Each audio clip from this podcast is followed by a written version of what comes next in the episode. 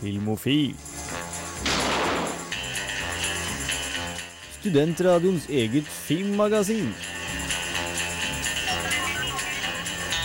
Lights ready, all set. Cameras. Action! Varm kaffe er noe du trenger når du kjenner at vinterkulda setter seg. Sprekne negler og frossen hud, da varmer det med film.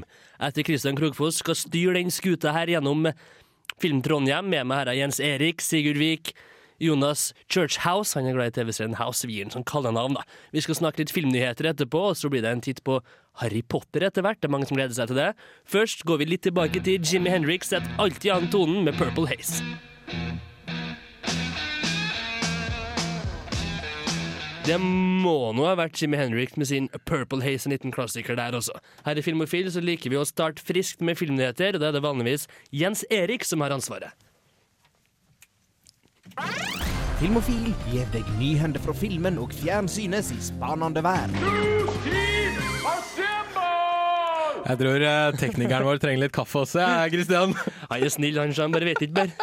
Nei, tydeligvis ikke.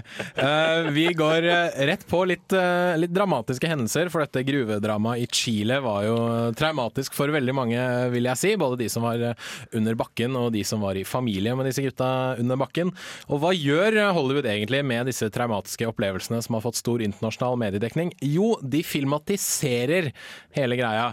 Eh, Associated Press kan melde at Brad Pitts produksjonsselskap Plan B har kommet med et anbud på filmrettighetene til denne gruvekatastrofen. Eh, overrasket? Egentlig ikke, men det blir jo spennende å se om dette blir noe av i det hele tatt. Nå har det jo blitt flere filmer av eh, eh, 11. september-hendelsen, så det kan jo godt være at dette også får eh, filmatisering. Katastrofe gjør seg jo på film, Så absolutt. og det er litt sånn menneskelig drama også. Det stemmer. Vi går over på litt eh, norske filmnyheter, for kulturminister Anniken Huitfeldt har sagt til NRK at hun åpner for mer produktplassering på norsk film og TV. Hun mener at norske produsenter bør følge samme regler som svenske, danske og amerikanske filmprodusenter. TV Norge jubler over forslaget, men hvorvidt dette vil faktisk bli noe av, det vil jo vise seg. Aller sist til litt skrekkfilmnyheter. Det passer jo godt nå som det er såpass mørkt og kaldt ute. Eh, Skrekkfilmen Paranormal Activity skapte store grøss i kinosalene i 2007, og høstet utallige gode kritikker fra anmeldere verden over. Oppfølgeren, som kom tidligere i år, har også gjort det kjempebra. Har tjent inn 156 millioner dollar. Og hva skjer da? Jo, da får vi enda en oppfølger! Paranormal Activity 3 skal slippes den 21. oktober. Så får vi håpe at Paranormal Activity-serien ikke blir som Så-serien. Distance Closing In med Kyle Lesa. Du hører på Filmofil. Sigurd Vik og Jens Erik sitter med meg her, og de er glad, kanskje, i Harry Potter, en verden jeg vet lite om. Ja, vi er ganske glad i Harry Potter. Jeg er i hvert fall veldig glad i Harry Potter. Jeg er mer glad i Harry Potter enn deg. Du er det, ja? Har du lest alle bøkene? Ja. Eller lydbok, for at eh, det, det går fortere. Og så kan jeg eh, gjøre andre ting. Ja, Men- jeg har i det minste lest dem. Men altså, Harry Potter, det er greit. Vi, vi må ta en liten, uh, liten introduksjon her nå i, i hva som er hva. Altså, Harry Potter, det er trollmannen. Han, han er grei. Han Han er er hovedpersonen. Han tror jeg de fleste vet hvem er. Ja, og nå, det er, her er jo i anledning eh, filmen som har premiere, selvfølgelig, så vi skal jo rote oss litt fram mot den nå. Men, men uh, Hermione, hun kvinnelige kopiloten, Det, det kvinnelige alibi, som jeg liker å kalle henne. ja, studievenninnen, hun er fremdeles med. Hun er fremdeles Ikke med. gått bort. Nei, nei. Ron, kameraten, fremdeles Han, med. han er fortsatt med. Hangler videre. Yes. Har han rødt hår, han? Han har rødt hår. Han har rødt hår. Som Ikke fregner. fellow ginger kid så føler jeg jo veldig med han, og er veldig spent på hvordan det går med han. Jeg håper han vinner til slutt. Ja. Det er jo trollmannkrig der, ikke Du, sant? eh, Tynn Isvik. du, du skal ikke se bort ifra at han halvveis vinner til slutt. Men med en, i hvert fall. Ja. Det er han. Eh, Enn hun der Luna Lovegood, den litt eh, spenstige blondina. Hun er med, men hun er ikke veldig mye med. Hun dukker opp i starten av filmen, og så dukker hun opp litt på slutten. Ja. Enn han eh, skikkelig Frode Alnes skada i syrefyren? Da? Han, eh, skurken. Voldemort, altså skurken. Ja, stemmer, stemmer. Han eh, Mest sannsynlig er han med i Knall. store deler av filmen. Ja. Og så har du min favoritt, da. Severus Snape. Han er eller Severus Slur, eller hva pokker den heter Eller norsk, Alan. Rickman, som vi også liker å kalle Vi han. liker å kalle den det. Hans Han er- Gruber, som mange av oss fremdeles Ja, kaller ikke sant? Mange Die Hard-fans er enig med meg. Die Hard, Die Hard, ikke sant? Uh, Hans Gruber, eller Hans Gruber, trollmannen, er selvfølgelig med, og Alan Rickman er som alltid fantastisk. Er det noen nye karakterer som kommer her i siste Altså Det er jo første del av siste bok, så det, vi kan jo si siste bok. Hvem Ja, eh, i så det er noen eh, nye som dukker opp, blant annet eh, Bill Nye, som eh, burde være kjent som David Jones fra Pirates of the Caribbean-trilogien, i hvert fall de to siste filmene. Dukker opp som den nye magiministeren Rufus Scrimgeour. Nå er jeg litt usikker på navnet. Uh, Scrimgeour. Scrim, Scrimgeour. Yes, it's Scrimgeour, I'm quite sure. Han, han dukker opp i et kvarter, og så dør han. Kjemperolle. Det var en liten spoiler fra Jens Erik Valler her, men uh, en, uh, er det noen, noen nye skurker som uh, dukker opp? Dere har vi stort sett uh, kjennskap til, til rollegalleriet der? Vi har eh, stort sett kjennskap til rollegalleriet. Det er en, eh, en ny varulvfyr som dukker opp, som jeg ikke kan huske å ha dukket opp i filmserien før. Eh, Men det er den samme varulven for de bokinteresserte som var med på tampen for Albus Dumbledore i hans siste sekund, var ikke det? Der oppe i tårnet. Eh, ja, det stemmer faktisk. Det er Ja. han godeste Fenrir Greyback, hvis jeg ikke husker helt feil. Sitter sikkert Vik og blunker til, men jeg er fornøyd med egen referanse. Veldig godt fornøyd med egen Ja. referanse. Det Der, er eh, ikke der, der one-upa du han som, eh, han som har vokst opp med bøkene, så det er godt jobba. Takk. Men uh, da vet vi i hvert fall uh, litt hvem som er med og ikke er med. Men vi vet jo ikke hvordan filmen har vært, men det får vi vel vite ganske snart. Det vi det? får dere vite ganske snart. For dem som har litt innblikk i Harry Potter, så er dette kanskje tomprat. For dem som ikke har sett det, så kanskje de gleder seg. Etterpå skal Jens Erik anmelde den siste Harry Potter-filmen. Først er det Hypertext, Spiral Out of Control. Spiral Out of Control med Hypertext. Vi har prata litt om Harry Potter. Kanskje dette blir vinterens storfilm. Jens Erik han har sett Harry Potter and The Deathly Hallows.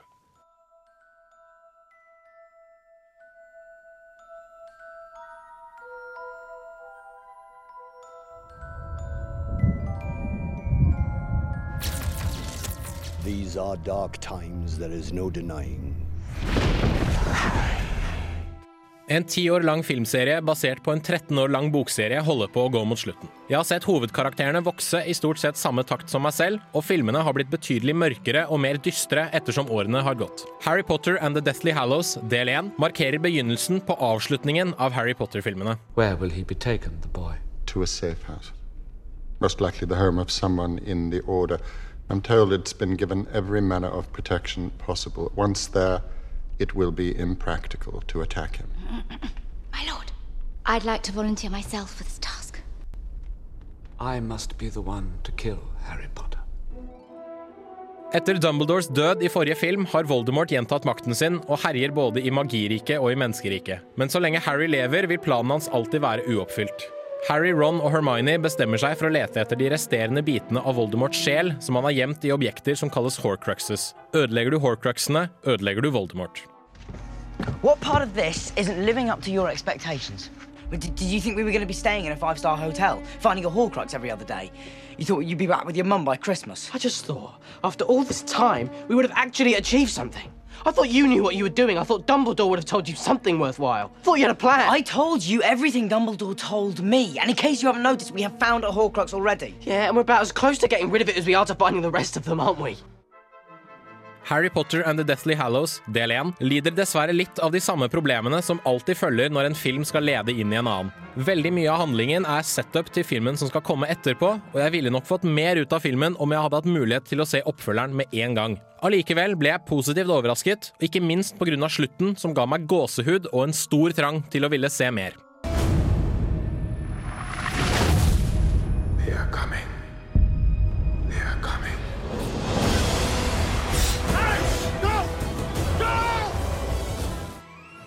Selv om Deathly Hallows skulle bli slutten på serien, er det godt å se at skuespillerne fortsatt gir det de har å gi i rollene sine.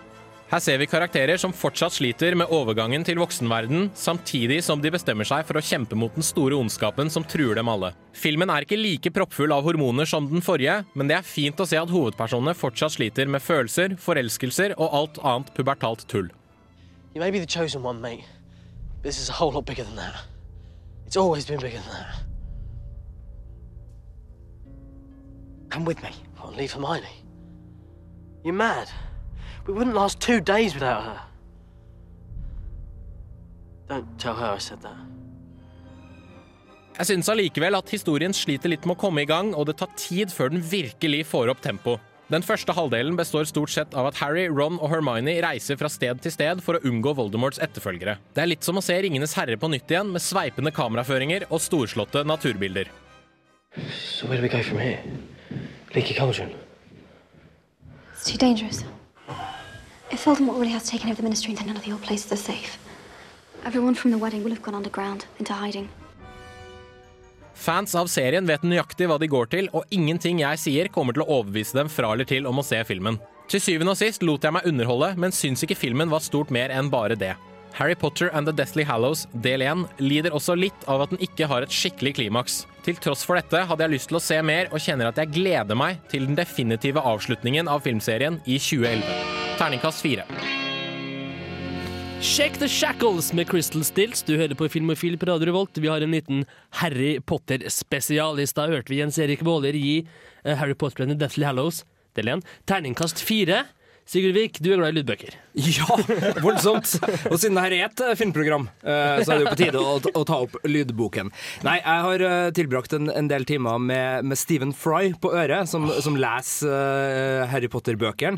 Stephen Fry er vi alle glad i, er vi ikke det? Jo, han er jo filmrelatert også, så, så det er jo stuereint å, å høre på han. Så det, den, den ser ikke jeg på som Den en, en stor overgangen eh, kjøper jeg. Ja, kjempefint. Men uh, under de her seansene så har jeg jo blitt oppriktig glad i, i siste boka, og, og syns jo det er en forrykende avslutning litterært eh, på, på serien. Så har man jo sett at, at filmene får litt sånn blanda mottagelse, og så er det jo det der med Skal filmen være som boka? Skal alt med? Altså 'Ringenes herre' var jo en tilsvarende problemstilling der de var jo ikke helt tro mot bøkene, men det ble jo en sabla fin filmtriologi. Og, og det, det holder jo seg. Men, men hvordan er den? Du har jo også vært borti boka. Altså, hvordan er filmen i forhold til boka? Det er jo litt av eh, detaljene som kanskje mangler, og så er det litt det at noen ting er forandra. Kanskje rekkefølgen er litt annerledes, eller Det er gjerne de små tinga som, som enten utelates eller blir gjort om på. Men for meg så har filmene eksistert litt i sin egen sfære, da. Og da gjør det liksom ikke så mye at det er visse altså Jeg skjønner at visse ting må kuttes ut med tanke på tempo og historiefortelling og alt mulig sånt og du kan bruke flere uker på en bok, men du kan bare maks bruke ca. tre timer på en film. Ja. Så da er det på en måte en nødvendighet. Ja, tekniker Jonas, du ville si noe? Ja, jeg vil bare nevne det med Oi, er jeg borte? Da sender jeg ballen videre. Ja, takk eh, tekniker Jonas. Uh, Han er dyktig. Han er dyktig. Ja. Nei, uh, det som, eh, som blir et spørsmål som jeg stiller meg etter å ha lest en del anmeldelser, er at flere sier at denne filmen er mer lik boka enn andre. Men altså, er den annerledes i forhold til bøker enn den andre Harry Potter-filmer, eller er den beholden eh, mer eller mindre av boka? Hvordan er den dynamikken i, i film? Ja, nå rota jeg meg bort på vidda der sjøl, merker jeg. Eh, Jeg er da altså tekniker Jonas. Nei, eh, nei, altså De andre har jo vært forholdsvis tro mot bøkene, men har likevel vært filma. Nå har jeg inntrykk av at den her er mer detaljstyrt opp mot bøkene, og må kanskje være det for å på en måte rettferdiggjøre sin egen eksistens som transportrentappe. Ja, jeg tror det. Og det faktum at Nå sitter vi og flirer alle mann her. Det faktum at den siste boka har blitt delt i to filmer, det tror jeg det åpner jo for at de kan pøse inn på enda flere detaljer. Og det er en sånn type fortelling hvor, hvor det, altså The devil is in the details, som det heter. da hvor det kanskje er viktig å få med en del detaljer. Hvor de, de vet det at de har seks andre filmer å bygge på, men kan egentlig bare kjøre i gang med å bare bygge på dem og pumpe ut ting som folk, de vet folk kommer til å kjenne igjen. Vi skal ikke ri den hesten her sønder og sammen, men et Nå- siste nå ser du uttrykket mitt, eh, Sigurd. Ja, det siste spørsmål her er eh, rett og slett eh, dem som har lest boka der ute som hører på, hvor i boka slutter den første filmen? Oi. Cirka. Altså, hva er det siste klimakset på en måte som skjer? Sideantallet, altså. Ja. Ja, ok, men Nå har jo folk alle lest boka, da, så jeg kan jo si at filmen slutter For ikke ødelegge altfor mye, da, så kan jeg si at filmen slutter under et veldig trist dødsfall. Der, sånn. se- der setter de stopp. Det, Sånn er en, det er en downer ending. Sånn avslutter du et stikk, En serie, ikke Veldig bra stikk i internprat for de bolkene mellom låtene kan vi snakke her på radio. Helikopter med Dare Hunter, og vi kommer snart tilbake med mer filmstoff. Du lytter til Filmofil på Radio Revolt. Besøk oss gjerne på våre nettsider på radiorevolt.no filmofil. Der finner du meldinger av kino- og videopremierer, og i tillegg podkast av alle våre sendinger. Har du ris eller ros, tips eller triks, kontakt oss gjerne på elektronisk post. Filmofil, krusedull alfa, radiorevolt.no. Vært masse løs prat nå om eh, Harry Potter. Det er da kanskje vinterens storfilm. Vinter, kulde, jul, desember, november. Hva tenker vi da, gutta? Eksamen. Eksamen får jeg høre her. Det er kanskje Sludd, slaps og pepperkakemenn. ja, du hørte meg. Pepperkakemenn.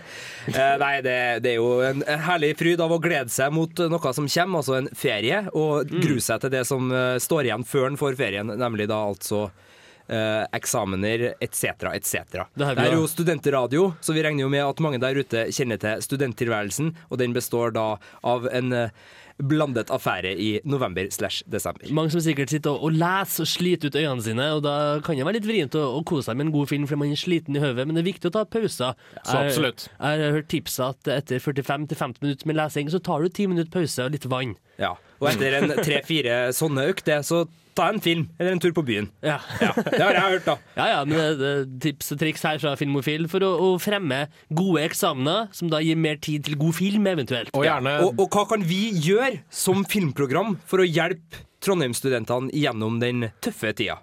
Vi kan jo anbefale filmer.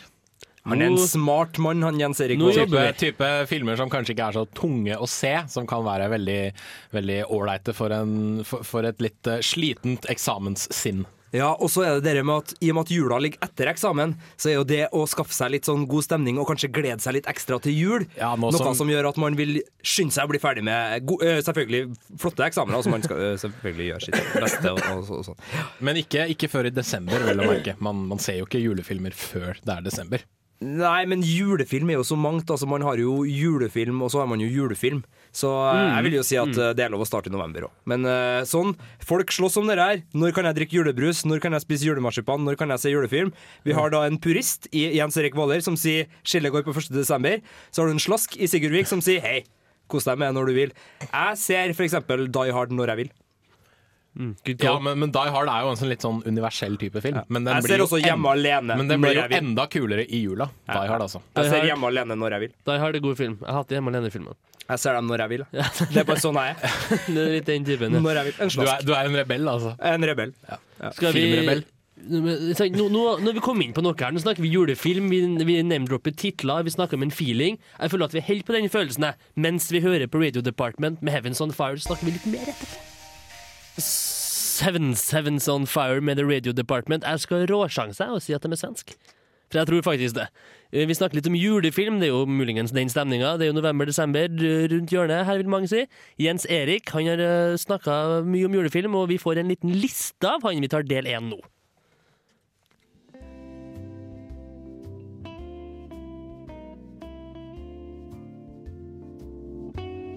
Jula nærmer seg med stormskritt, og for meg har en stor del av julen vært de ulike julefilmene som sendes på TV. Etter år med prøving, feiling, tradisjonsbryting og ustanselig TV-titting har jeg kommet fram til mine topp seks julefilmer.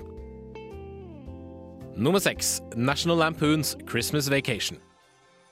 Familiefaren Clark Griswold ønsker å gjennomføre den perfekte julefeiring med familien sin. Clarks entusiasme til tross blir alt til slutt en salig smørje.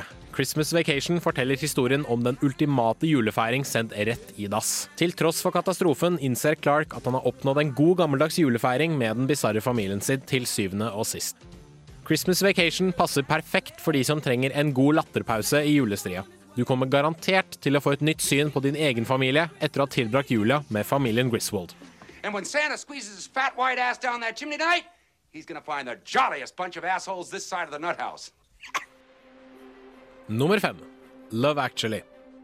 Gjennom ti separate, men allikevel sammenknyttede historier følger vi vidt forskjellige mennesker og deres romantiske forhold i løpet av desember måned. Det er på tide å komme med en innrømmelse. Jeg hater nemlig romantiske komedier, men jeg digger Love Actually.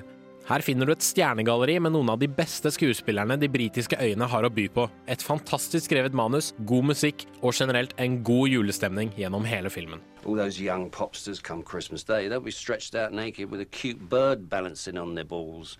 And I'll be stuck in some dingy flat with my manager, Joe, ugliest man in the world. Fucking miserable because our fucking gamble didn't pay off.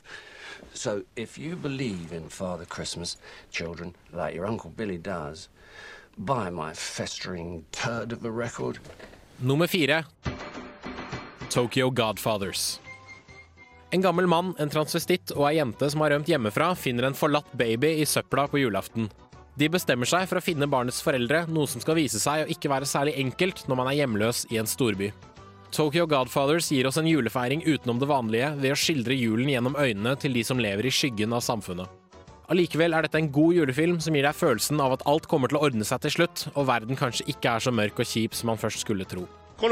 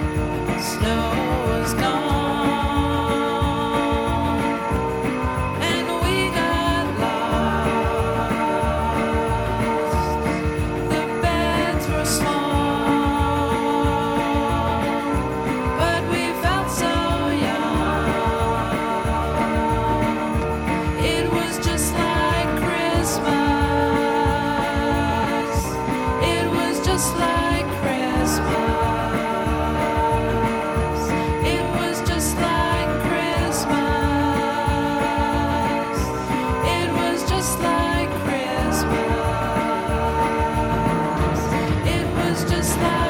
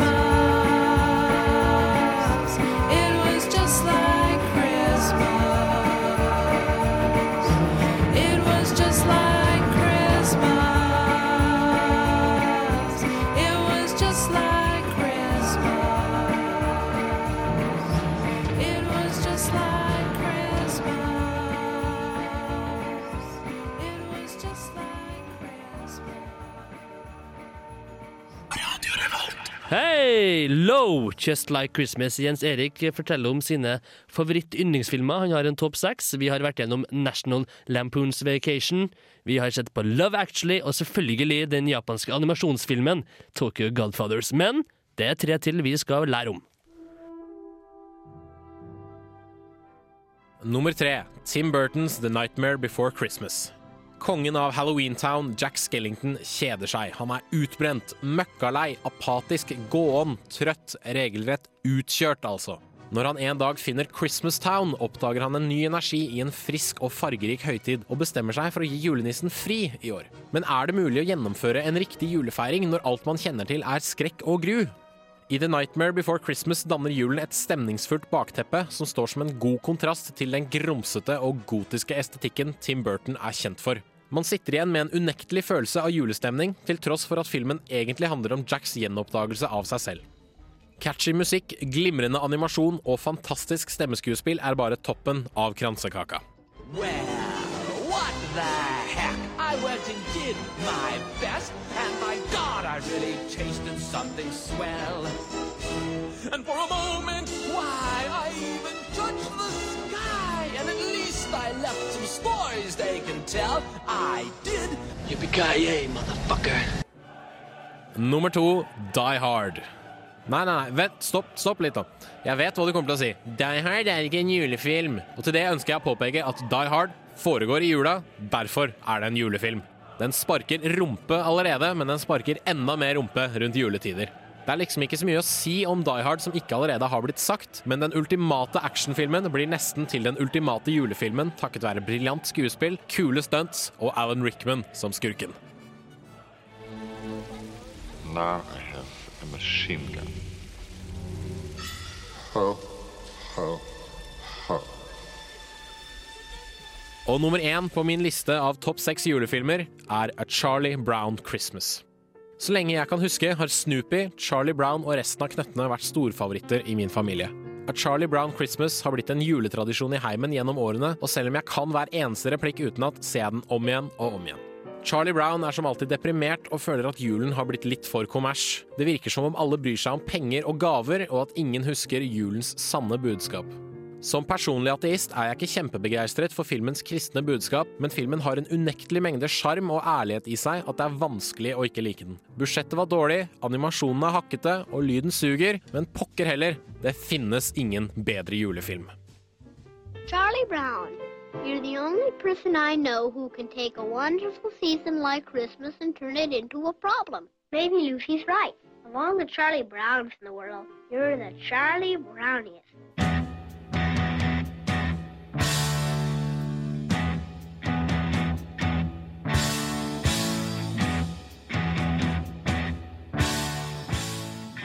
For Our Elegant Castle der. Uh, Sigurd Vik han er glad i Gremlins. Den husker jeg godt fra min barndom. Jeg er spent på hva han har å si om den. Det er jo kanskje en julefilm?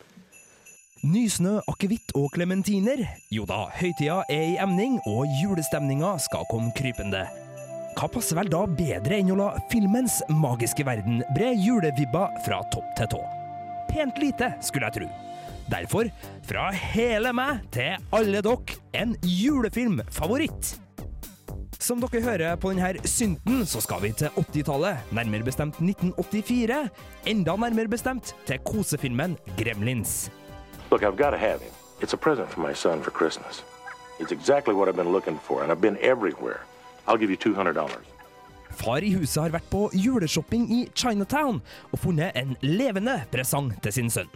En søt liten pelskledd tass som nynner happy og lyd navnet Gizmo. Men med kjæledyr følger sjølsagt også ansvar. You know, there's some things I forgot to tell you guys, and they're really important. Number one, he hates bright lights. We know that. But you got to keep him out of the sunlight. Sunlight will kill him. Number two, keep him away from water. Don't give him any water to drink. And whatever you do, don't give him a bath. And probably the most important thing, don't ever feed him after midnight. Akkurat. Og de her reglene brytes sjølsagt. Gizmo blir til en håndfull ja, skal vi kalle dem søsken, som etter et midnattsmåltid og en svipptur i det lokale bassenget blir til en hær av hyperaktive gremlins. Stygg som helvete og full av faen. Resultatet blir et grønt julekaos som svelger hele byen. Teit og tullete, ja selvfølgelig, men lekkert og sykt morsomt. Those goddamn foreign cars, they always freeze up on you. You don't find American machinery doing that. Our stuff can take anything. See that plow? 15 years old. Hasn't given me a day's trouble in 15 years. You know why? Kentucky Harvester. It ain't some foreign piece of crap you pick up these days. That's a Kentucky Harvester. Hmm. Well, if I want to keep my job, I really think I should be going now. Hey, how's that uh, comic strip of yours coming? Gremlins er leken filmkunst på sitt 80-talls beste. Familievarmen er altomfattende, sympatistrukturen er klar og tydelig, og det skumle er akkurat så trivelig at det nesten er for galt at the bad guys must die. Men det som gjør Gremlins til den store stemningsvinneren, i tillegg til at det er jul i ca. 90 minutter, er den småbyperfeksjonen som regissør Joe Dante klarer å brette ut på lerretet. Jeg har konstant lyst til å flytte inn i dette universet, med sin kritthvite snø, sine alkoholiserte sheriffbetjenter og sitt totalidylliske nabolag. Nest best blir det da å se hele greia, jul etter jul. Det gjør susen.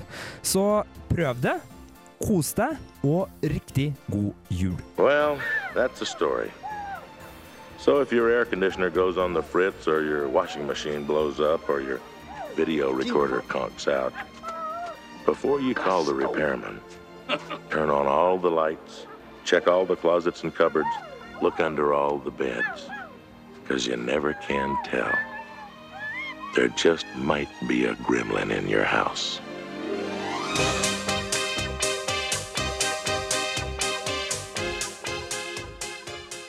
Filmofil anbefaler Gremlins. Jeg husker når jeg var liten, det var kanskje rundt 1990, og pappaen min hadde med hjem en VHS hvor han sa til meg Gutten min, han kalte meg faktisk Kjell på den tida, av uviss grunn.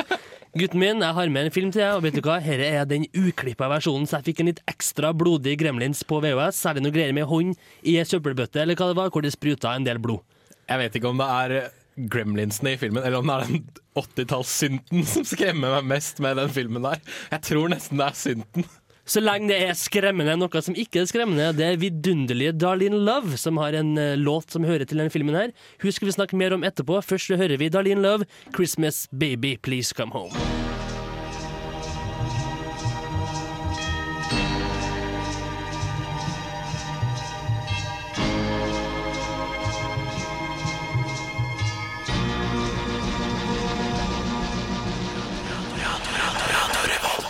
Deilige Darlene Love med 'Christmas Baby Please Come Home'. Det er Gremlins-relatert, Sigurd Vik. Ja, det er filmmusikk fra Gremlins, en eh, personlig julefavorittfilm Mm. som jeg anbefaler varmt til alle der ute. Ja. Og eh, ikke nok med at det er en knakende bra julelåt, som eh, i tillegg eh, nå, Jeg lurer på om nissen som går i, i bakgrunnen her. Det- det- jeg har jo kommet dit. veldig tidlig ute, men- Han er veldig tidlig ute, men han driver jo og ser i vinduene For om du har si- vært naughty eller nice, vet du, han nissen. Ja, for, å, for å sitere brura, så er det noen lyder i pipa. Veldig sant. Men vi snakka om Gremlin, Gremlins, filmmusikk og Darlene Love. Altså, Darlene Love har ikke bare laga den låta, altså Christmas uh, Hjelp meg, Christian Kroppås. Den har en sånn Baby, snedig- please come home! Baby, please come home. Takk skal du ha. Hun har jo også laga All Alone on Christmas, Ja. som var filmmusikken til Hjemme alene 2. Faen, det stemmer. Ja, og Der har hun også med seg E Street Band, altså backingbandet til selveste The Boss. Bedre allerede. Bruce Springsteen. Springsteen. Spring- Springsteen. Springlesteen. Der. Springsteen. Der har vi den. Og det er ei sabla bra låt, det òg. Det som er artig, er at regissøren av Hjemme alene 2 er Jens Erik Våler. Chris Columbus. Manusforfatteren til Gremlins er Jens Erik Våler. Chris Columbus. Samme fyr. Så Darlin Love og Chris Columbus. Ja, For dem som ikke henger med, for dem som ikke henger med. Dere riktig, folkens! Samme fyr. Og da har man altså god øh, sammensmeltning mellom de to filmene. Men To apropos- flotte julefilmer, begge to. Gremlins og Home Alone Ap 2. apropos litt mer sånn sammensmelting. Chris Columbus har jo også regissert de to første Harry Potter-filmene. Det er Callback. skummelt, det her. Harry Potter er jo som kjent kinoaktuell med Plutselig den sjuende filmen i rekka. Plutselig ble Chris Columbus en rød tråd Ja. i dagens film og Som filmfilm. bare skyter inn personlig at jeg er veldig glad Chris Columbus ikke regisserer de nye Harry Potter-filmene. For det er jo ikke noe hemmelighet at de to første Harry Potter-filmene er forholdsvis dårlig sammenligna med resten av serien. Veldig happy, happy, joy-joy-type filmer. Ja. Men det her er ukas filmlåtspalte, og vi skal videre med Darlene Love, som spilte eh, kona til Danny Glover i Dødelig våpen-filmene, for dem som også. liker dem. Flotte filmer. Gode, gode Også film. litt julevibb eh, der. Ja, de kjøper jo juletrær, og, og Mel Gibson drar gunner på juletretorget. Den eh, første filmen starter vel med uh, Jingle Bell Rocks, hvis jeg ikke tar helt feil. Stemme. Good call. I god 80-talls actionstil så starter den med julelåt. Det er jo fantastisk. Og et selvmord. Ja, det skal være Det sånn. må altså. være sånn, ikke sant? Det er jo It's the season, og Du må begynne en plass. Du må alltid begynne en plass. Ja. Men uh, i og med at det er ukas filmlåt, så Ja. skal vi over til Darlene Loves sin Låt. låt. Takk, Kristian Som Det er ja. artig. Godt å ha hjelp med sånne ting. Vi hyller Darlene Love. Ja, Vi kjører må- en dobbel Darlene Love. Ja, og jeg må bare si, uh, når jeg var liten, så hadde jeg kun NRK, og det var ikke mange musikkvideoer som ble spilt der. Men i romjula i jeg vil tro eh, tidlig 90 Når kom Hjemme alene 2? 92 eller noe sånt? 90, ja. Da spleisa, eller kjørte NRK faktisk musikkvideoen til den her. Jeg, jeg var, det var kulrunde øyne på meg. Mm. Jeg storkosa meg, og jeg syntes det var en kjempelåt, og jeg kjøpte kassetten. Sigurd Vik, jeg må, Jeg høre, jeg, må, må, må høre deg. Du kjøpte MC-en. Jeg kjøpte MC-en. Jeg må høre låta. Jeg må høre Darlene Love med All Alone on Christmas, som er ukas filmlåt her på Filmofil. Dette er ukas filmlåt her på Filmofil.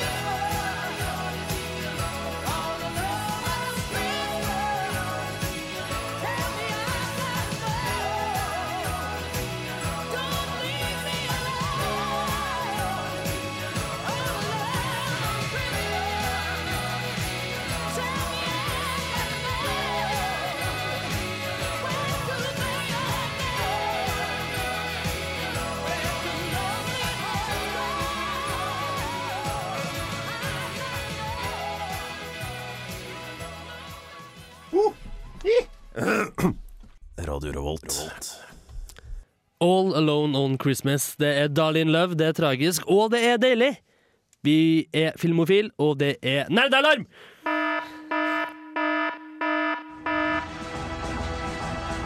Nerdalarm! Nerdalarm! Jens Erik, du er i ditt ess. Opplys oss. Jeg skal opplyse dere. Det er veldig mye tegneseriestoff i dag oh, i Nerdealarmen. Det, det syns jeg er veldig Der kom lyset på, gitt. Kjempebra. Nå, nå kan jeg se også. Uh, yes, Aller først skal vi til Hulken, denne sinna grønne kjempen som dukket opp på amerikanske TV-skjermer i en live action-versjon på 70-tallet. Det var jo selvfølgelig lenge etter at han var blitt til en tegneserie. Med Lou Ferrigno i hovedrollen. Lou Ferrigno, som jeg følger på Twitter. Han har veldig mye treningstips. Merker jeg. Det, kan, det, det skjønner jeg. For å bli hulken, eller?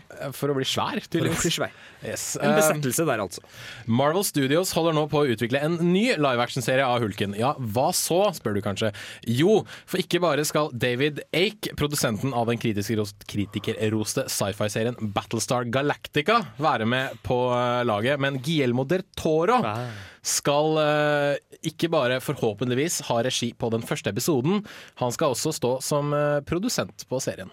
Må jeg bare skyte inn at som eh, en representant for filmpublikum, så er det veldig spennende nyheter. For det er en regissør som kan sine saker. Han er en av mine favoritter.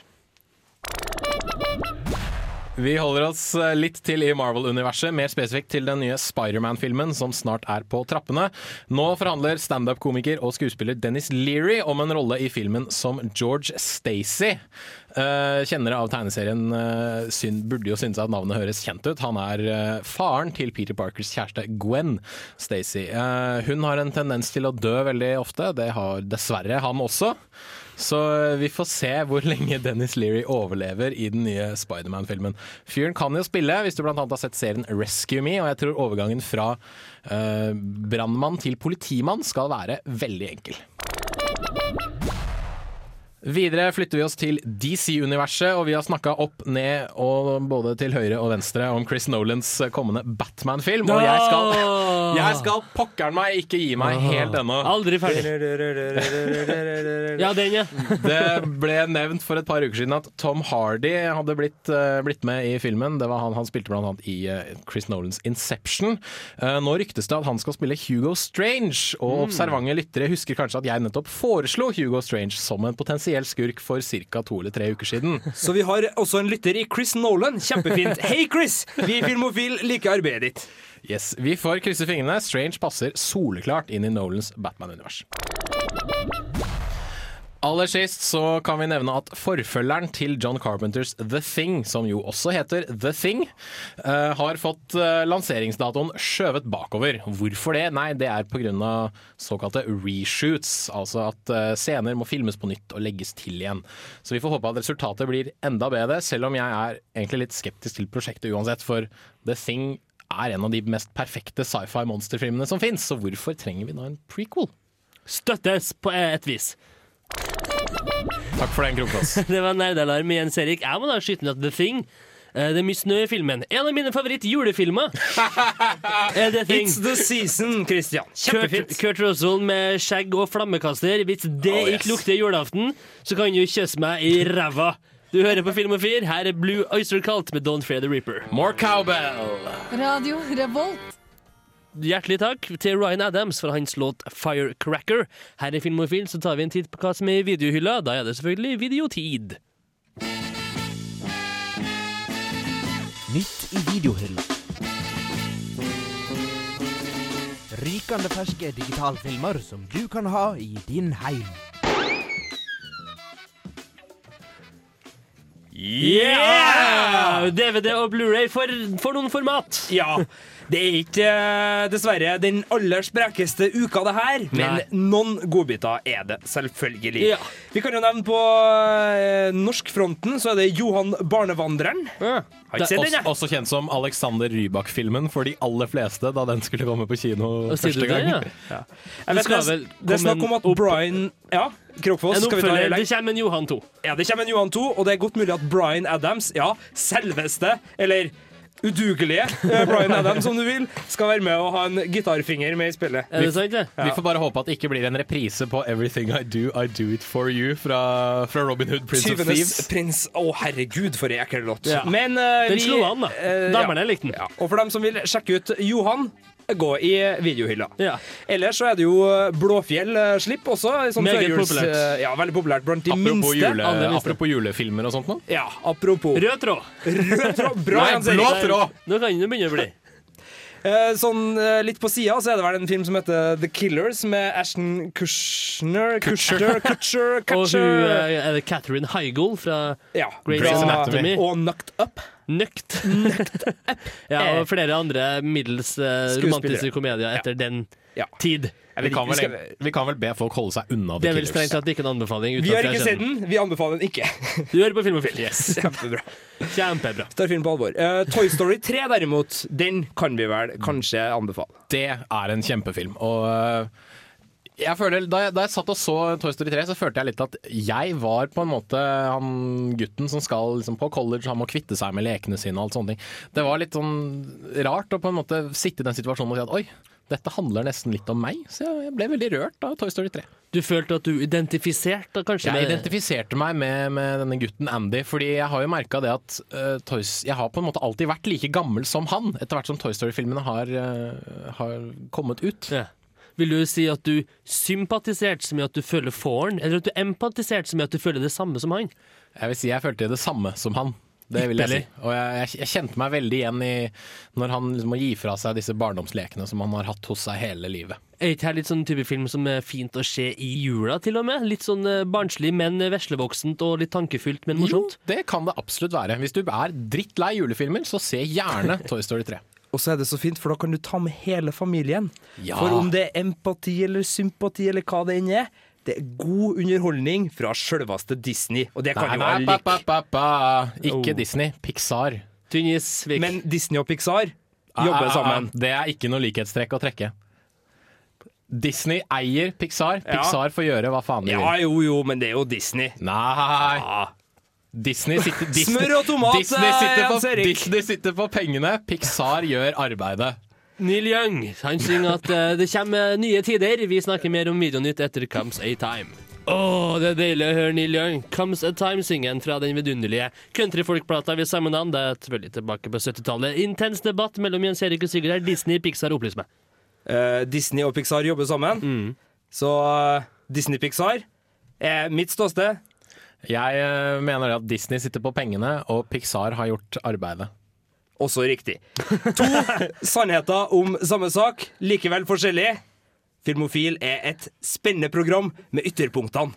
Polarisering. Polariserte ytterpunkter. Vi kikker litt i videohylla, og det kommer en liten sak på Blu-ray om, eh, om gutta og, og kvinnfolk. Ja, litt sånn high school, ikke Ja, og for vi, eh, Som den faste lytter vet, så er Sigurd Vik veldig glad i high school-filmer. Den Ja. tilfeldige lytter lærte nå. Den tilfeldige lytter lærte nå. Jeg er veldig svak for high school-filmer, og jeg var derfor litt sånn overraska over at jeg var ganske negativ til en film som het Girl Next Door. Og jeg var så negativ at jeg sjekka ikke den ut. Men så var jeg tilfeldigvis hjemme hos deg, Christian Krokfoss, for noen år siden. Og du sa til meg Denne filmen den er ganske ålreit. Jeg syns du skal se den, Evik. Nei Jo, kom igjen, ta den med deg hjem. Vi er tross alt naboer, altså. Ja, men er Girl Nei, ta han med Door deg nå, da. Er ikke hun som spiller i 24? Ja, hun Jo, er Elisha Cuthbert. Ja, det Nydelig er liten ikke sak. her sånn der, Vi- eh, kjeften high school putten i veska. musical, eh, Putten i veska. OK, da. Og så gikk han, og han så filmen, og den var ålreit, du. Jeg syns den var kjempeålreit. Ja. Skikkelig ålreit high school-film. Sånn, hvis noen husker She's All That med Freddie Prince Jr., som er en veldig god en. He's Hot, She's Not var tagline. Mm. Uh, Ti ting jeg hater ved deg, med nå avdøde Heath Ledger og Riktig. Julia Stiles. Riktig. Veldig Nei, Julia Stiles, er det? Jo. Og sånn kan vi fortsette Og sånn kan vi fortsette i timevis. Den føyer seg inn i den rekka. Litt sånn Door. smyger, kan vi kalle den. Og det vet jeg at mange her uh, assosierer med noe annet. Men uh, det er også en sånn film som, som lurer seg inn, og som er veldig god. Kort fortalt så handler det om en gutt som går på high school, som eh, får en ny nabo. Det er en ung, vakker kvinne som viser seg å ha noe broket fortid. Kan de likevel få kjemien til å blomstre? Er du nysgjerrig på det? Sjekk den ut på Blu-ray da vel! Ja. Eller DVD. Ja, det, glem det. Kjempebra. Girl Next Door der, altså. Se filmen. Liten, Glem det jeg skulle si. eh, high school-filmanbefaling med litt sånn, eh, litt sånn krydder, for å si det. Litt krydder i filmen. For dem som er glad i sex. Og mye annet rart. Og humor og humor. Du hører på Filmofil. Vi skal snart høre en anmeldelse av The Expendables, som jeg ser på DVD. Først er det Neil Cowley Trio med Gerald.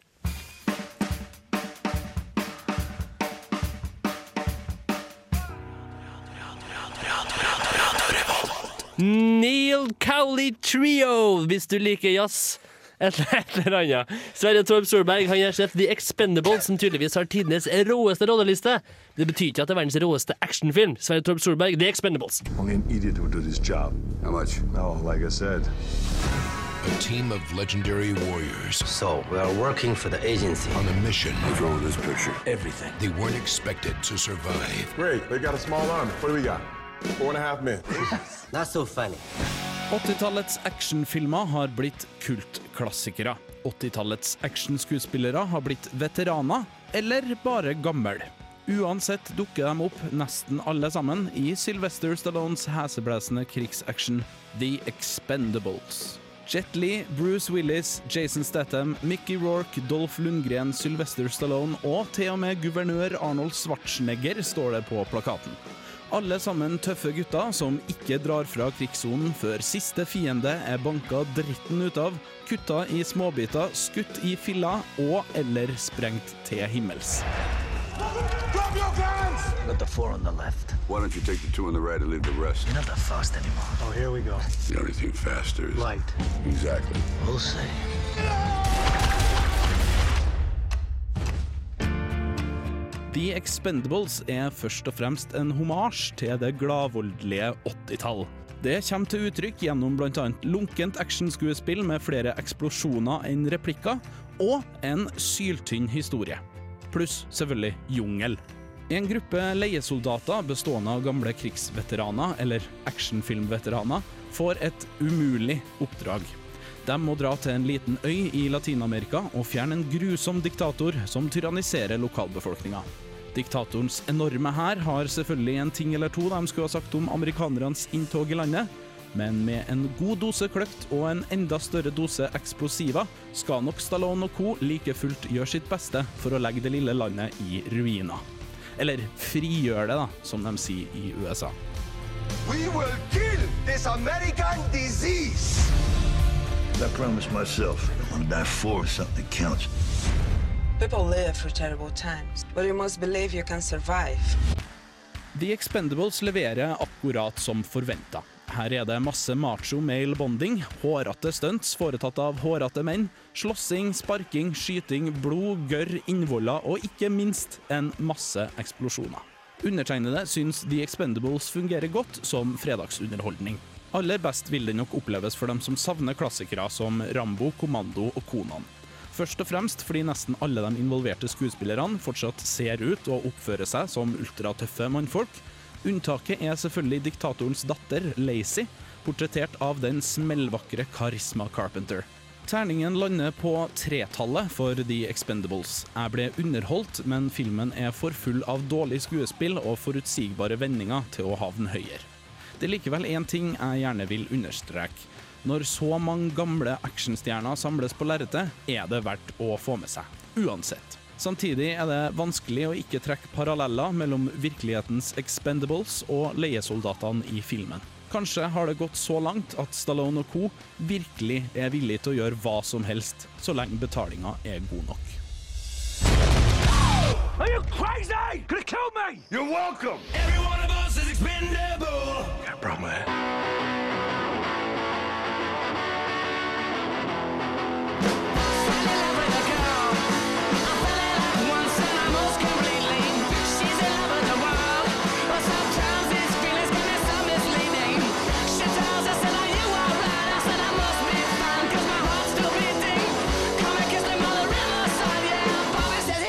Consider it cheating now.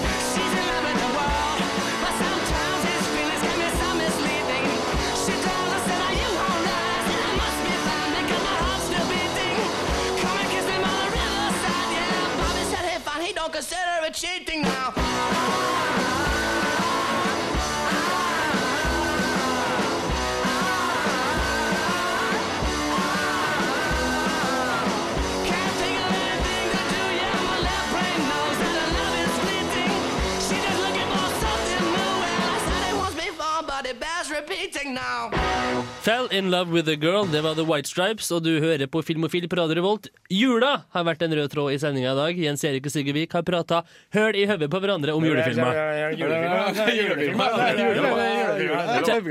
Men tekniker Jonas Kirkhus og meg sjøl, vi har også sett filmer som har eh, juleinnhold. Jeg vil vil bare dytte inn på en eh, liten anbefaling av ei, ei perle fra 1985. To år før jeg ble født. Eh, med, med Dudley Moore eh, i hovedrollen. Som heter passende nok Santa Claus. Som handler om Dudley Moore, som er en alv som jobber for nissen. Og nissen De er ikke helt enige, da. Dudley Moore er mer for den kommersielle produksjonen av leker. Skal gå kjapt opp på samlebånd og sånn. Og han prøver seg som nisse, og det går ikke helt bra. Høres ut som en knallfilm som også sender mine tanker til faktisk Elf. Med Will Ferrell som kom for noen år siden. Det syns jeg er en, eh, både en morsom og en eh, sørgmodig og en, eh, en underholdende film. Jeg ser jeg får tommelen opp av guttene i hjørnet. Tommelen opp der, altså. Kjempefint. I stad så nevnte jeg The Thing med en skjegga Kurt Russell med flammekaster. Storfilm, det er snø, det er en julefilm.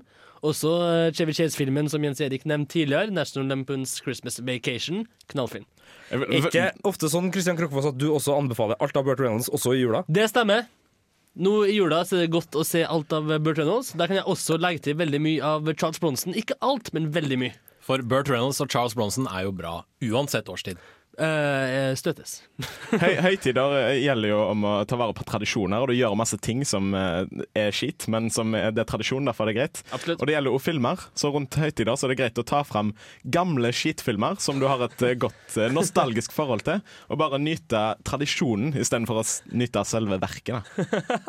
Har du noen gode eksempel på det, tekniker Jonas? Uh, Santa Claus fra 1985 med Jeg har en uh, liten en fra, fra min egen heim, og det er jo denne grevinnen og hovmesteren masteren. Som eh, Ja, jeg vet veldig mange hater den, men jeg må se det hver eneste Ja, hvis vi snakker. NRK og jul og romjul, så må Den spanske fluen nevnes. Klassisk eh, god farse. Nå- Filmet teater, det finnes ikke noe bedre. opp Sigurd To tomler opp fra Sigurd Vik. Kari Stokke på piano. Inn og ut av døra. Fem tomler fra Sigurd Vik. Øyvind Blunk, det er beste Sigurd Vik vet. Sju tomler fra Sigurd Og det er Vik. ikke noe hemmelighet. Jula nærmer seg, og da er det godt å kunne slappe av litt når det begynner å legge seg litt mørke ting. Creedence Clearwater synger om The Midnight Special. Det er lov å slappe av litt også. You wake up in the morning, you hear the work bell ring, and I march you to the table.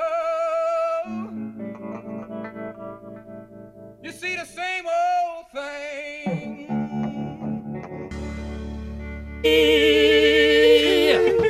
The Midnight Special av Credence Creedence Clearwater Revival. Fra filmen uh, The Twilight Zone. Regissert av Blant annet Joe Dante og Steven også- Spielberg. Som også har hatt fingrene i Gremlins og Hjemme alene 2. Stemmer. To av vår juleanbefaling til deg, kjære lytter. Rød tråd, Jens Erik, det liker du. Rød tråd har vært eh, jul under hele pokkers sendinga, egentlig. Min, minus det lille innslaget vi hadde av Harry Potter tidligere i dag, der jeg anmeldte filmen og ga den en firer. Men den kommer jo rett før jula. Det Rød tråd. gjør den. Rød tråd. Rød tråd. Vi har hatt det gøy. Eh, Vi nærmer oss faktisk slutten, og jeg er nødt til å si takk for oss for denne gang. Kristian Krokfoss er. Med meg er Sigurd Vik, Jens Erik Våler og Jonas Kirkhus. Også hjelp har vi fått av Sverre Torp Solberg, og ofte også Helene Herstad, som ikke hadde muligheten til å være her i dag. Gå på internett! Last ned podkast. Podkaster kommer. Stereobullet, de synger om Red Light. Eh, Snøen eh, daler ned utafor vinduet. Godt til oss, det.